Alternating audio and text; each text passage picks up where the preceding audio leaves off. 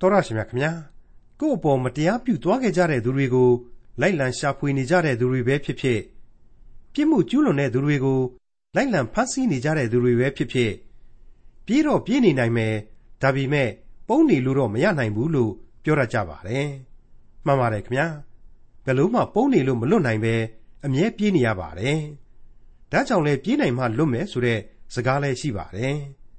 ပြေးလို့လွတ်နေကြဆဲဖြစ်တဲ့အာရမလူတွေ တက်ရှိထင်ရှားရှိနေကြသလိုစစ်ဆေးစီရင်မှုကနေလွတ်မြောက်နေရင်အသက်ကြီးလာလို့သေဆုံးသွားခဲ့ကြတဲ့အာရမလူတွေလည်းရှိခဲ့ကြပါတယ်ဒါပေမဲ့ပုံနေလို့လည်းမရပြေးလို့လည်းမလွတ်နိုင်တာကတော့ထာဝရအရှင်မြတ်စွာဘုရားသခင်ရဲ့အမျက်တော်နဲ့ဒဏ်ခတ်စီရင်တော်မူခြင်းဖြစ်ပါတယ်မျက်စိနဲ့မမြင်ရတဲ့ဘုရားကစီရင်မာလားလို့ဆိုကြတဲ့သူတွေအတွက်လက်တွေ့နဲ့ရှင်တဲ့သတိပေးချက်ကို ဒီကနေ့သင်သိရသောတမန်ကျမ်းအစီအစဉ်မှာလေ့လာမှာဖြစ်တဲ့ခရိယန်တမန်ကျမ်းရဲ့ဓမ္မဟောင်းကျမ်းပိုင်းတွေကဟေရှာယအနာဂတ်တိကျမ်းအခန်းကြီး30မှာအထင်ရှားတွေ့ရမှာဖြစ်ပါတယ်။ထာဝရရှင်မြတ်စွာဘုရားသခင်ဟာဘယ်ပုံဘယ်နည်းနဲ့ဘယ်သူတွေကိုတုံးပြီးတော့အပြစ်ပေးစီရင်တော်မူတယ်လဲဆိုတာကိုလည်းတွေ့ရမှာဖြစ်တဲ့ဟေရှာယအနာဂတ်တိကျမ်းအခန်းကြီး30ကိုဒေါက်တာထွန်းမြတ်ရေးကအခုလိုသုံးသပ်ရင်းရှင်းလင်းတင်ပြထားပါတယ်။မိတ်ဆွေတို့တတ်ရှင်အပေါင်းတို့ခမညာ ဒီကနေ့ဒီအချိန်မှာတော့ဟေရှာယအနာဂတ်တိကျမ်းအခန်းကြီး30ကိုစတင်ရောက်ရှိလာပါပြီ။ဒီကျမ်းကြီးမှာအဓိကအချက်တွေအဖြစ်ကတော့အဖဖျားသခင်ဟာအာရှုရိလူမျိုးတွေကိုအသုံးပြုခြင်းအပြင်ဣသရေလလူမျိုးတော်အပေါ်မှာတရားစီရင်မယ်။ပြီးတဲ့နောက်မှာတော့အာရှုရိတွေကိုလည်းဘေးမဲ့ပေးမထားဘူး။တရားစီရင်အောင်မှာပဲဖြစ်တယ်ဆိုတာကိုတွေ့ရမှာဖြစ်ပါတယ်။မိတ်ဆွေအပေါင်းတို့ခမညာဒီအပိုင်းကလေးရောက်တဲ့အခါမှာတစ်ချက်ကျွန်တော်ဖြည့်ဆွက်ဖော်ပြကျင်တာလေးရှိနေပါတယ်။အဲ့ဒါကတော့တခြားမဟုတ်ပါဘူး ဟေရှာယအနာဂတိကျမ်းအခန်းကြီး9ကနေ12ထိအတွင်းဟာမင်းဆိုးမင်းညစ်ဘရင်အာခတ်ရဲ့ခေတ်အတွင်းကနိုင်ငံရေးအခြေအနေတွေနဲ့တိုက်ရိုက်ဆက်ဆက်ဖော်ပြပေးထားတဲ့ပရောဖက်စကားတွေဖြစ်တယ်ဆိုတဲ့အချက်ဖြစ်ပါတယ်။ဟုတ်ပါတယ်။ဒီအချိန်ကာလဟာလေအာခတ်ဘရင်ရဲ့အချိန်ကာလပဲဖြစ်ပါတယ်။တစ်ချိန်တည်းမှာပဲအလွန်အလွန်အောပွေကောင်းတဲ့ဣသရီလတို့မျှော်လင့်နေတဲ့မေရှိယသခင်ခရစ်တော်ရဲ့ကြွလာတော်မူခြင်းတွေကိုလေဒီကျမ်းအစုအဝေးတွေဟာဖော်ပြသွားအောင်မှာဖြစ်တယ်။ အဲ့ဒီလိုမေရှိယကြွလာတော်မူခြင်းဆိုတာဟာလေပထမအချိန်မှာလူဇာတိကိုခံယူပြီးတော့ကယ်တင်ခြင်းကျေးဇူးတော်နဲ့လူအဖွဲ့အစည်းကိုပတ်ရပေးဖို့နောက်ဒုတိယတစ်ချိန်ကျတဲ့အခါကျတော့နောက်ဆုံးသောကပ်ကာလဖြစ်တယ်အဲ့ဒီအချိန်မှာကျတော့အဖဖျားသခင်ကြွလာတော်မူခြင်းကယ်တင်ရှင်သခင်ခရစ်တော်ရဲ့ကြွလာတော်မူခြင်းဟာတရားစီရင်ဖို့ဖြစ်တယ်ပြီးတဲ့နောက်ကောင်းကင်နိုင်ငံတော်မြေပေါ်မှာဆက်လက်တည်ထောင်ပေးဖို့ဖြစ်တယ်ဆိုပြီးတော့နှစ်ပိုင်းပါဝင်သွားမှာဖြစ်ပါတယ်ဒါဟာတနည်းအားဖြင့် ကာလတို့အချိန်အတွင်းမှာပြည့်စုံမဲ့အနာဂတ်များနဲ့အလွန်ဝေးကွာလှမ်းတဲ့ကပ်ကာလအချိန်ကောင်းကင်နိုင်ငံတော်မြေပေါ်မှာတည်ခြင်းအတွက်ဗျာဒိတ်တော်များကိုပေါင်းစုဖော်ပြသွားမဲ့သဘောပါအခုလောလောဆယ်အချိန်မှာကတော့မတရားသောသူများတို့ဆိုပြီးတော့ခေါင်းစဉ်ပေးရင်းနဲ့အခန်းကြီး30ကိုစတင်ကြည့်ကြပါစို့ငတ်မွတ်သောသူတို့ကိုတရားရှုံးစေခြင်းဟာ၎င်း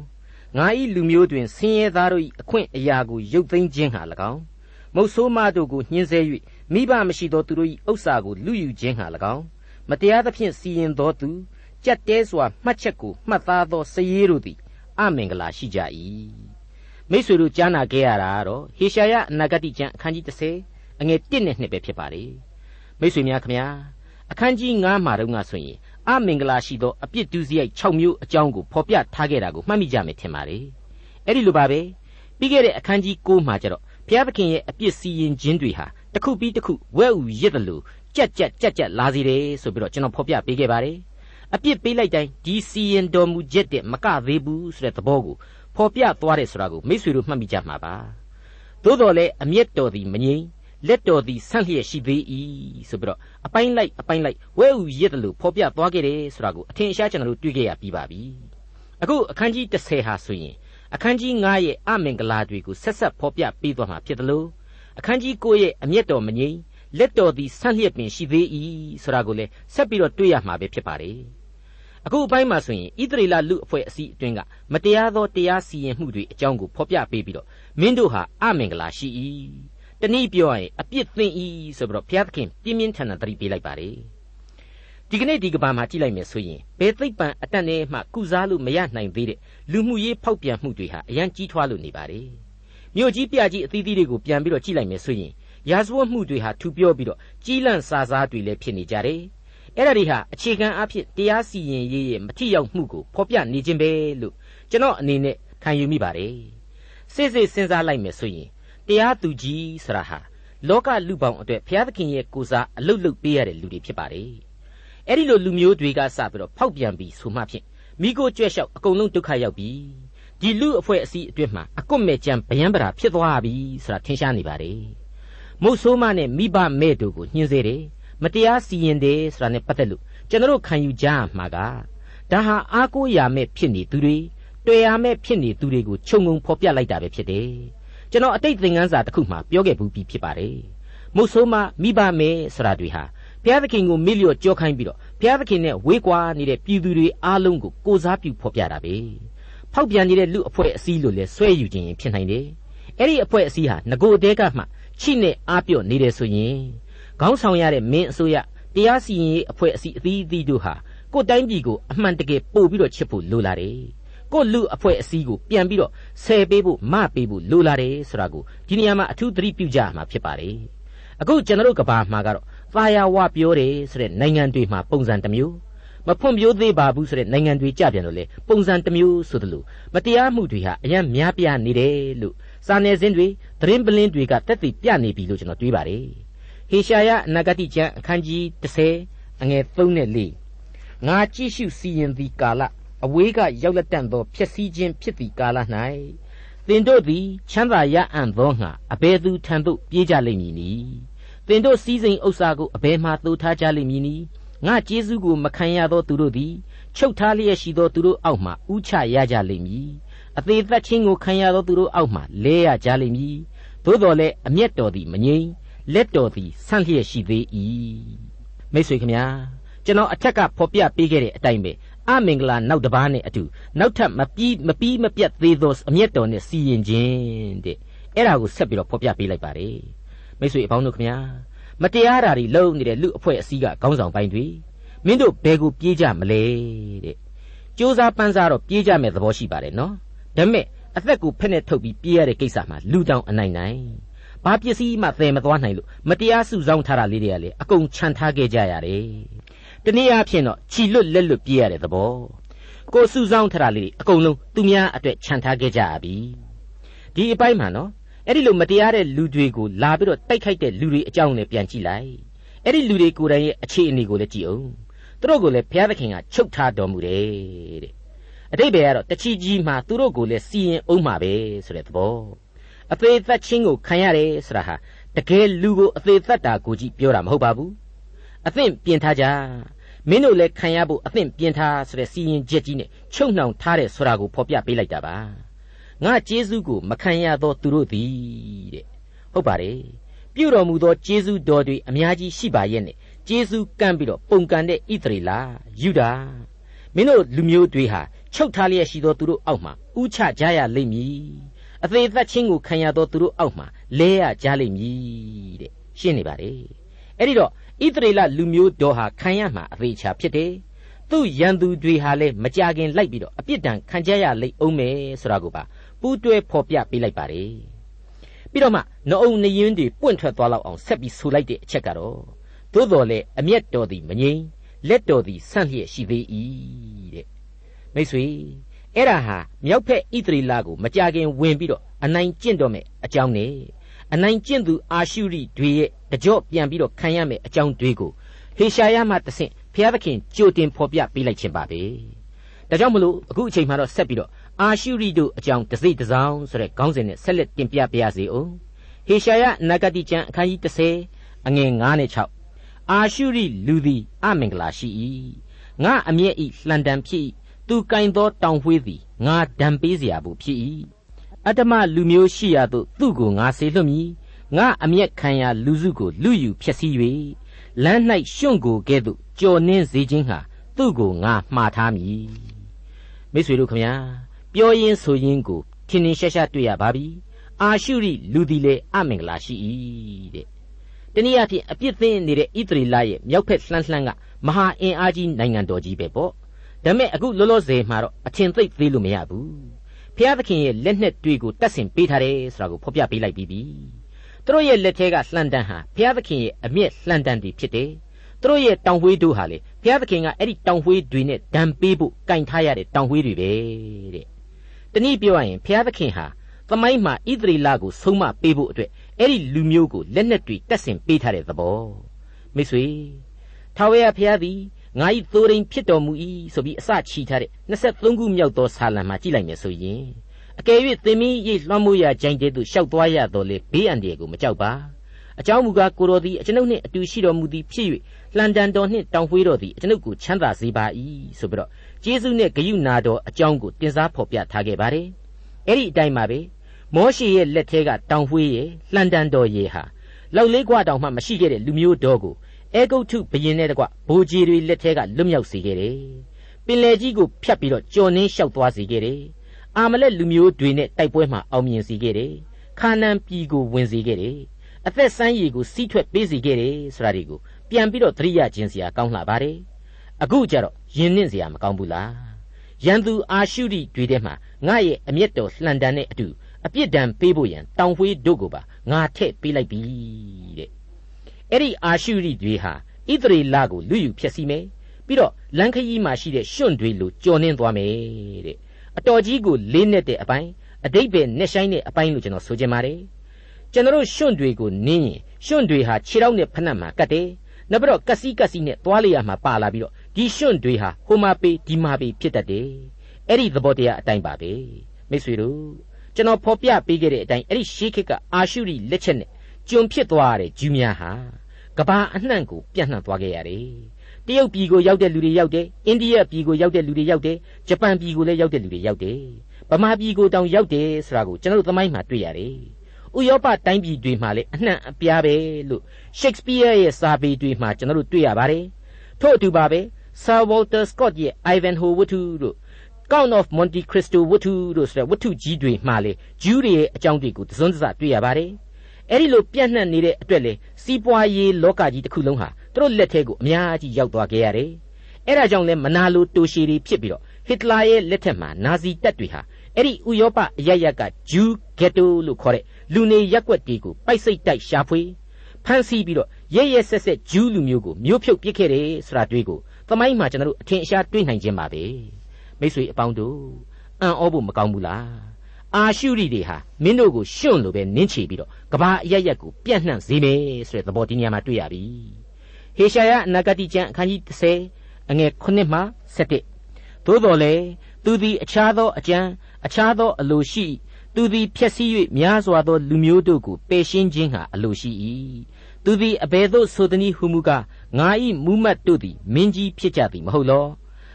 ကာလနောမြို့သည်ခါခေမိတ်မြို့ကဲ့သို့၎င်းဟာမတ်မြို့သည်အာပတ်မြို့ကဲ့သို့၎င်းရှမာရိမြို့သည်ဓမ္မသက်မြို့ကဲ့သို့၎င်းဖြစ်သည်မဟုတ်လောရှမာရိယုတ်တုနှင့်ယေရုရှလင်ယုတ်တုတဲ့သာ၍မြတ်သောယုတ်တုဆင်းတုကိုကိုးကွယ်သောတိုင်းနိုင်ငံများကိုငါလူယူတကဲ့သို့၎င်းရှမာရိမြို့နှင့်သူ၏ယုတ်တုတို့ကိုငါပြုတကဲ့သို့၎င်းယေရုရှလင်မြို့နှင့်သူ၏ယုတ်တုတို့ကိုငါပြုမည်မဟုတ်လောဟု ဆိုတတ်၏အမင်္ဂလာရှိ၏ဆိုတဲ့အာရှုရိလူမျိုးတော်နော်အာရှုရိလူမျိုးနော်ဘယ်လိုပဲပြောပြောသူတို့ဟာစစ်ဘလောက်အောင်အောင်သူတို့လက်ထဲမှာငါအမျက်လှန်တန်နဲ့ငါစီရင်ရင်တောင်ဝေးထည့်ထားတယ်ဆိုတာကိုသူတို့မသိကြဘူးတဲ့ဒါကြောင့်မလို့သူတို့ကအဲ့ဒီလိုဘုရားသခင်ရဲ့စီရင်တော်မူခြင်းဆိုတာကိုနားမလဲသူတို့ကိုယ်ကိုသူတို့သိအထင်ကြီးပြီးတော့ကြွားဝါနေကြတယ်ငါပေးထားတဲ့အင်အားနဲ့ကဘာကိုလှဲ့တိုက်ဖို့ကြံနေကြတယ်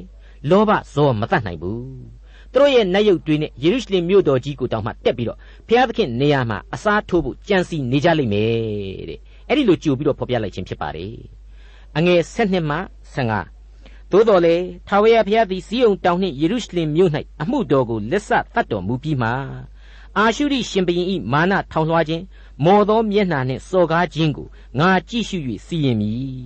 ထိုမင်းကငါသည်ကိုလက်ယုံတတ္တိနှင့်ကိုညံအားဖြင့်ငါတတ်နိုင်၏ ပညာသတိနှင့်ငါပြည့်စုံ၏လူမျိုးနေရာအပိုင်းအခြားတို့ကိုငါရွှေ့ပြီးသူတို့၏ဗန္တာကိုလူယူပြီးဘယင်တို့ကိုသူရဲကဲ့သို့နှိမ်ချပြီးငါလက်သည်ငှက်တိုက်ကိုတွေ့တဲ့ကဲ့သို့လူတို့၏ဥစ္စာပစ္စည်းကိုတွေ့ပြီးစွန့်ပစ်သောငှက်ဥတို့ကိုသိမ်းယူတဲ့ကဲ့သို့မြေကြီးတစားရှိသမျှတို့ကိုငါသိမ်းယူပြီးအဘယ်သူမျှအတောင်ကိုမလှုပ်နှုတ်သီးကိုမဖွင့်မမီမတွန်ဟုဆိုသည်ဖြစ်၍ကျိန်လုံးသည်ကင်သောသူကိုလှုပ်တဲ့ကဲ့သို့၎င်း တောင်ဖွေးသည်မိမိသခင်ကိုချီကြွတဲ့ကဲ့သို့၎င်းပစိန်သည်ခုတ်သောသူကိုစော်ကားရမည်လောလွှသည်တိုက်သောသူကိုရံပြုတ်၍ထောင်လွှားရမည်လောစလာပြီဣဣသရေလရဲ့အလှည့်ပြီးလို့အာရှုရိတို့ရဲ့အလှည့်သင့်လာပြီ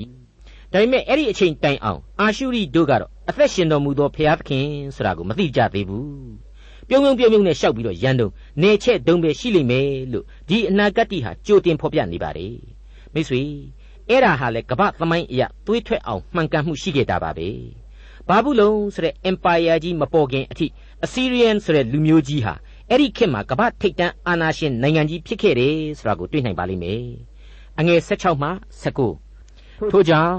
ကောင်းကင်ဘိုးကြီးသခင်အရှင်ထာဝရဘုရားသည်ထိုမင်းဤစူဝသောသူတို့၌ပိန်ကြုံခြင်းကိုတွင်းပေတော်မူမည်သူဤဘုံအောက်၌လည်းမိလောင်တကဲ့သို့လောင်စီခြင်းဟာရှို့တော်မူမည် ဣသရေလအမျိုး၏အလင်းသည်မိဖြစ်တော်မူမည်တန်ရှင်းသောဖျားသည်မိလျံဖြစ်တော်မူမည်တနေ့ချင်းတွင်ထိုမင်း၏စုပင်အမျိုးမျိုးတို့ကိုမိရှို့၍ကျွန်းစေတော်မူမည်တောဤဘုံကို၎င်းအသီးအနှံထွက်သောလေဤဘုံကို၎င်းသူဤကိုခန္ဓာနံဝိညာဉ်နှင့်တကွကုံစေတော်မူသဖြင့်ထိုမင်းသည်နာသောသူကဲ့သို့အားလျော့လိမ့်မည်ကျွင်းသောတောပင်တို့ကိုသူငယ်သည်စည်ရင်ယူနိုင်အောင်အနည်းငယ်မျှသာဖြစ်လိမ့်မည် ဖော်ပြပါအချက်တွေဟာလေအကုန်လုံးကပ္ပသမိုင်းမှာကွက်တိဖြစ်ခဲ့တာကြီးပါပဲတခုသောဥပမာအဖြစ်အာရှုရိတပ်မတော်နဲ့တကွဘယင်ကြီးတစ်ပါးကိုယ်တိုင်ဟာယေရုရှလင်မြို့တော်ဝန်းကျင်မှာတင်ဘယ်လိုဖြစ်သွားခဲ့ရတယ်ဆိုတာကိုမကြခင်မှာပဲကျွန်တော်တို့ဆက်ပြီးတွေ့ရမှာဖြစ်ပါတယ်တိုက်ဆိုင်မှုတဲ့မကသောတစ္ဆာတရားအဖြစ်မှန်တွေကြီးပါပဲအငယ်20မှ23ထိုအခါမှစ၍ဘေးလွတ်လျက်ကျွင်းသောဣတရီလအမျိုးနှင့်ယာကုပ်အမျိုးသားတို့သည်မိမိတို့ကိုညှင်းဆဲသောသူ၌နောက်တဖန်မကိုးစားဘဲ ဣသရေလအမျိုး၏တန်ရှင်းသောအရှင်ထာဝရဘုရား၌အမှန်ကိုးစားကြလိမ့်မည်ကျွင်းသောသူဒီဟုသောယာကုပ်အမျိုး၌ကျွင်းသောသူတို့သည်တကိုးကြည့်တော်မူသောဘုရားသခင်ထံသို့ပြန်လာကြလိမ့်မည်။အိုဣသရေလအမျိုးသင်၏အမျိုးသားတို့သည်သမုတ်တရားသဲလုံးနှင့်အမျှများတော်လေကျွင်းသောသူတို့သာလျှင်ပြန်လာကြလိမ့်မည်။စီရင်ဆုံးဖြတ်သောတုတ်သင်ပေရှင်းခြင်းသည်တရားသဖြင့်လွှမ်းမိုးရလိမ့်မည်။ကောင်းကင်ဘိုးကြီးအရှင်ထာဝရဘုရားသည်မြေတပြင်လုံးအလယ်၌စီရင်ဆုံးဖြတ်သော တုတ်သင်ပေရှင်းခြင်းကိုပြုတော်မူလိမ့်မည်။မိတ်ဆွေအပေါင်းတို့ခမညာနှုတ်ကပတ်တော်ရဲ့အနာဂတ်ကျမ်းတွေဟာကျွန်တော်ပြောခဲ့ဘူးသလိုသမိုင်းရာဇဝင်များတက်တက်လည်းမမှန်ပုံပြင်များလည်းမမြည်ဆုံးမဩဝါဒများလို့လည်းမဆိုနိုင်ဝတ္ထုများလည်းအရှင်းမဟုတ်ခဲ့ပါဘူးသူတို့ဟာအနာဂတ်ကျမ်းများပြီးပြီးဒီအပိုင်းဟာဒါကိုဆိုလိုတာပဲဆိုပြီးတော့သူဖော်ပြတဲ့အနာဂတ်ကာလကိုကိုကသွားကြည့်ပြီးတော့အပိုင်မပြောနိုင်တဲ့အပိုင်းတွေအများကြီးပါဝင်ပါတယ်အခုအပိုင်းဟာဆိုရင်အဲ့ဒီသဘောအတိုင်း ရောပြွန်းနေသောအနာဂတ်အစုအဝေးတွေစတင်လာတယ်လို့ကျွန်တော်ဆိုချင်ပါတယ်သမိုင်းအရစီးရီးယားလို့ခေါ်တဲ့ရှုရီနဲ့မြောက်ဖက်ဣသရေလတို့ဟာတောင်ဘက်ယူဒကိုရန်ဆောင်နေကြတဲ့အချိန်မှာတောင်ဘက်ယူဒဟာအစီးရီးယားလို့ခေါ်တဲ့အာရှုရိတွေကိုတွားပြီးတော့အားကိုးခဲ့ရတယ်။အဲ့ဒါဟာအာရှုရိတို့ကိုကိုးစားရခြင်းပဲပေါ့။အခုလောလောဆယ်ဟေရှာယအနာဂတ်တွေပေးနေတဲ့အာခတ်ဘယင်ရဲ့ဖြစ်ပုံကိုဓမ္မရာဇဝင်စရုပ်ထစာဆောင်အခန်းကြီး16 အငယ်9ကနေ9အတွင်းမှာအခုလိုမှတ်တမ်းမှတ်ရနဲ့ပြန်ပြီးတော့ကြည့်နိုင်ပါတယ်။ထို့ကြောင့်အာခတ်သည်အာရှုရိရှင်ဘရင်တိကလတ်ပိလီသာထံသို့တန်တမန်ကိုဆေလွှတ်၍ကျွန်ုပ်သည်ကိုတော်သားကိုတော်ကျွန်ဖြစ်ပါ၏လာပါကျွန်ုပ်ကိုရံပက်ပြုသောရှုရိရှင်ဘရင်နှင့်ဣသရေလရှင်ဘရင်လက်မှကယ်ယူပါဟုတောင်းပန်၏တဖန်ဗိမှန်တော်၌၎င်းနန်းတော်ဗန္တာတိုက်၌၎င်းရှိသောရွှေငွေကိုယူ၍အာရှုရိရှင်ဘရင်ထံသို့လက်ဆောင်ပေးလိုက်လေ၏ အာရှုရိရှင်ဘရင်သည်နားထောင်၍ဓမ္မသက်မြို့သို့စစ်ချီ၍တိုက်ယူပြီးလျှင်ပြည်သားတို့ကိုကိရမြို့သို့သိမ်းသွား၏ရေစိမ်မင်းကိုလည်းသတ်၏ရှင်းနေပါတယ်အာရှုရိတွေနဲ့ယူဒဟာပေါင်းပြီးတော့ရှုရိနဲ့မြောက်ဖက်ဣသရေလရဲ့ရန်ကိုကာကွယ်ခဲ့ရတယ်အဲ့ဒီအချိန်မှာရှုရိဘရင်ရေစိမ်တောင်မှအသက်ခံရတဲ့အထိအာရှုရိတွေဟာယူဒကိုကူခဲ့တယ်ဆိုတဲ့သဘောဒါပေမဲ့နိုင်ငံအရေးပေါက်နေကြီးဆိုသလို အာခတ်မင်းနဲ့နောက်ပိုင်းဟေဇကိလက်ထက်ကြတော့အာခတ်မင်းရဲ့သားတော်ဟေဇကိလက်ထက်ကြတော့အာရှုရိတွေဟာအထက်ကဆိုခဲ့တယ်လို့မာနတွေတဲ့ပြီးတော့အဲ့ဒီယူဒကိုပါသိမ့်ပိုက်မလို့ဆိုပြီးဝိုင်းကြတယ်ဆိုတာကိုကျွန်တော်ဆက်ပြီးတွေးကြရပါလိမ့်အောင်မယ်မိတ်ဆွေအပေါင်းတို့အဲ့ဒါဟာကိုယ့်ကိုညှင်းဆဲတဲ့သူတွေကိုကိုကသွားပြီးတော့ကိုးစားမိခြင်းဆိုတဲ့အဖြစ်ဆိုးကိုဖော်ပြခြင်းပါပဲဟေရှာယဓာရီကိုကြိုတင်ဖော်ပြပေးနေတဲ့အချိန်မှာအာရှုရိတွေဟာယူဒကိုမညှင်းဆဲသေးပါဘူး မဟာမိတ်အဖြစ်နဲ့ရှုရိနဲ့မြောက်ဖက်ဣသရေလကိုသာရန်သူလိုသဘောထားနေစေအဆင့်ဖြစ်ပါတယ်ဟေဇကိလက်ထက်ကြမှာသူတို့ရဲ့မင်းသားကောင်းဆောင်ထားတဲ့ဘလူးသရုပ်ပုံစံကိုကျွန်တော်တို့တွေ့ရမှာဖြစ်ပါတယ်ဒါပေမဲ့သူတို့ကိုလည်းဘုရားသခင်ကဖျက်ဆီးပြည့်ရောတောင်ဘက်ဣသရေလတွေဟာဘုရားသခင်ကိုသာပြန်ပြီးတော့ကိုးစားလာကြလိမ့်မယ်ဆိုတာကိုဟေရှာယကြိုပြီးတော့ကြေညာပေးလိုက်ခြင်းဖြစ်ပါတယ်။အငယ်22နဲ့23တို့အပိုင်းမှာကျတော့အိုဣသရေလအမျိုး သင်သည်သမုတ်တရားသဲလုံးနှင့်အမျှများတော်လေကျွင်းသောသူတို့သာလျှင်ပြန်လာကြလိမ့်မည်စီရင်ဆုံးဖြတ်သောသုတ်သင်ပယ်ရှင်းခြင်းသည်တရားသဖြင့်လွှမ်းမိုးရမည်ဆိုပြီးတော့ပြောင်းလဲမှုကြီးအဖြစ်ဟေရှာယအနာဂတိကျမ်းမှာတွေ့ရပါတယ်ဒါအပြင်မြေတပြင်လုံးအလယ်၌ဘုရားသခင်စီရင်ဆုံးဖြတ်သုတ်သင်ပယ်ရှင်းခြင်းကိုပြုမည်ဆိုပြီးတော့လေအငယ်23မှာဆက်လက်ဖော်ပြလိုက်ပါတယ်ဒါဟာတကယ်တော့အာရှုရိခေတ်လွန်သွားပါပြီ နောက်ပိုင်းဘာဘူးလုံတွေကနေပြီးတော့ယူရကိုနောင်နှစ်ပေါင်း100မှာတိုက်ခိုက်ပြီးတော့ဖမ်းခေါ်သွားလိမ့်မယ်နှစ်ပေါင်းနောက်ထပ်80လောက်အကြာမှာပြန်ပြီးတော့လွတ်ငင်းခွင့်ပေးလိမ့်မယ်အာရှုရိတွေနဲ့ဘာဘူးလုံတို့ဟာလေဂရိတို့ရဲ့တိုက်ခိုက်မှုတွေနဲ့ခေတ်တွေတဖန်ကုံသွားပြီးတော့ဣသရေလတို့ကိုလက်လွတ်လိုက်ရတာတွေဂရိတွေဟာဣသရေလကိုလက်ရှောင်ပြီးတော့ချမ်းသာပေးခဲ့ရတာတွေစတဲ့သက်သာရာရသောနှစ်များအကြောင်းကိုဖော်ပြတယ်လို့ကျွန်တော်ခံယူပါတယ်တရက်ပို့ပြီးတော့အရေးကြီးနေတာကတော့ အဲ့ဒီလိုဟေရှာယဟောပြီးတော့နှစ်တရာ200လောက်အတွင်ဖြစ်တာတွေသာမကဘဲနဲ့မျက်မှောက်ခေဣသရေလနိုင်ငံသစ်ထူထောင်မှုဒုတိယကဘာစစ်အတွင်ဂျူးလူမျိုးတို့ကိုမျိုးဖြုတ်တုတ်တင်မှုကြီးတွေခံရတဲ့ကြားတွေကပဲအမိမြေကိုပြန်လာခွင့်ရရှိခဲ့တယ်ဆိုတဲ့အပိုင်းတွေကိုရည်ညွှန်းဖော်ပြလိုတယ်ဒီတဲ့မကနောင်ကပ်ကာလနဲ့ဆိုင်တဲ့အနာဂတ်လို့ဆိုရမှာဖြစ်တဲ့ကပ်ကာလကုံဆုံးကံဒီဒုက္ခဆင်းရဲခြင်းခံစားရကာလမှာတွေ့ရမယ် အဖြစ်အပျက်တွေကိုလည်းဆက်လက်ဗျာဒိတ်ပေးနေတယ်လို့ကျွန်တော်ယုံကြည်မိပါတယ်ဟေရှာယနဂတိကျမ်းအခန်းကြီး30အငယ်24မှ29ထို့ကြောင့်ကောင်းကင်ဘိုးကြီးသခင်အရှင်ထာဝရဘုရားမိန့်တော်မူသည်ကားဇီးအုံမြို့၌နေသောငါ၏လူမျိုးအာရှုရိမင်းကြောင့်မကြောက်နှင့်သူ၏ကြိမ်လုံးနှင့်သင်ကိုရိုက်မည်အဲဂုတ်ထုမင်းပြုသည်နီးတူသူ၏လှန်တံကိုသင်၏အပေါ်မှမိုးလိမ့်မည်သို့တော်လည်းခဏကြာပြီးမှသူတို့သည်ပျက်စီးခြင်းသို့ရောက်သောအပြင် ငါအမျက်သည်ငြိမ့်၍ငါစိတ်လည်းပြေလိမ့်မည်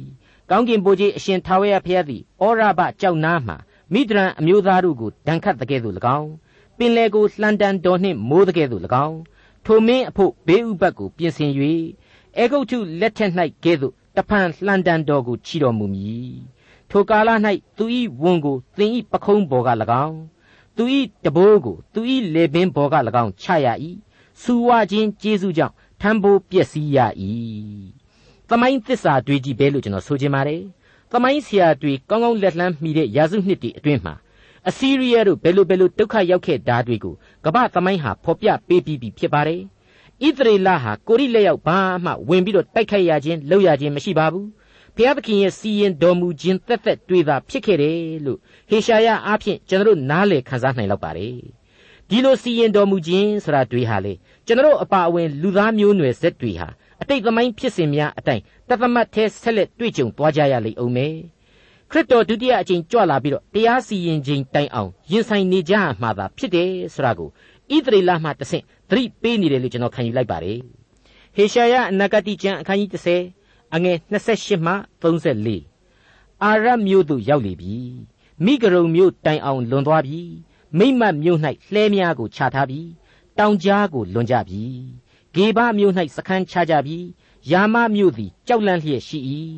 ရှောလူနေရာဂိဘာမြို့သည်ပြေး၏အိုးဂိတ်လိန်မြို့သမီးကြွေးကြော်လော့အိုးလဲရှာမြို့နားထောင်လော့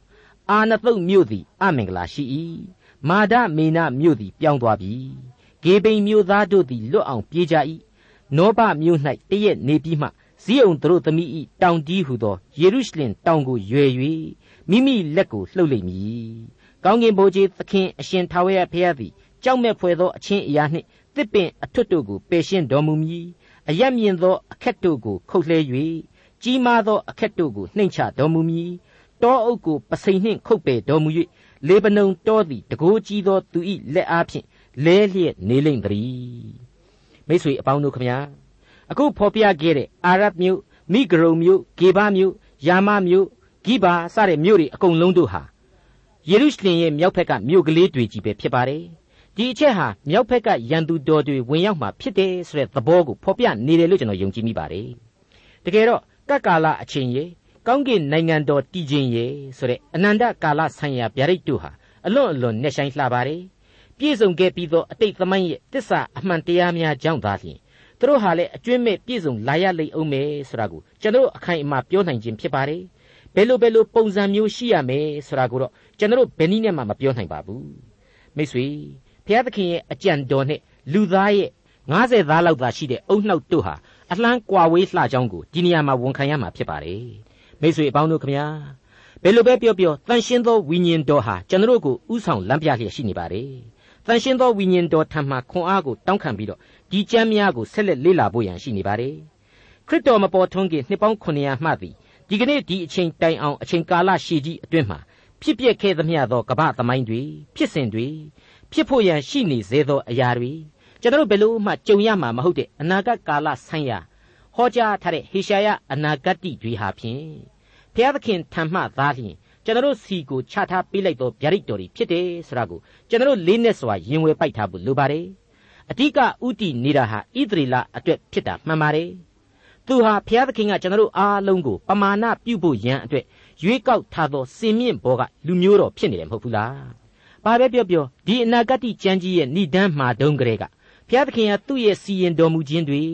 သူသိစေခြင်းတဲ့ဗျာဒိတ်တော်တွေအနာဂတ်တွေကိုကျွန်တော်လူသားများသာမဟုတ်ဩကာသလောကတစ်ခုလုံးပါပါဝင်ဆင်နွှဲနားထောင်ကြဖို့ဆိုပြီးတော့ဆင့်ဆိုခဲ့သေးတယ်ဆိုတာကိုမိษွေတို့မမေ့ကြဘူးလိုပါတယ်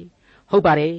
ထာဝရဘုရားမိန့်တော်မူသည်ဖြစ်၍ အိုးကောင်းကင်ကြားလော့အိုးမြေကြီးနားထောင်လော့မိန့်တော်မူချက်ဟူမူကားငါကြွေးမွေးပြုစုသောသားသမီးတို့သည်ငါကိုပုန်ကန်ကြပြီတဲ့ဒေါက်တာထွန်းမြတ်ရေးစီစဉ်တင်ဆက်တဲ့တင်ပြရတော်တမချန်းအစီအစဉ်ဖြစ်ပါတယ်နောက်တစ်ချိန်အစီအစဉ်မှာခရိယန်တမချန်းရဲ့ဓမ္မဟောင်းကျမ်းပိုင်းတွေကဟေရှာယအနာဂတ်ကျမ်းအခန်းကြီး7နဲ့အခန်းကြီး7တို့ကိုလေ့လာမှဖြစ်တဲ့အတွက်စောင့်မျှော်နားဆင်နိုင်ပါတယ်။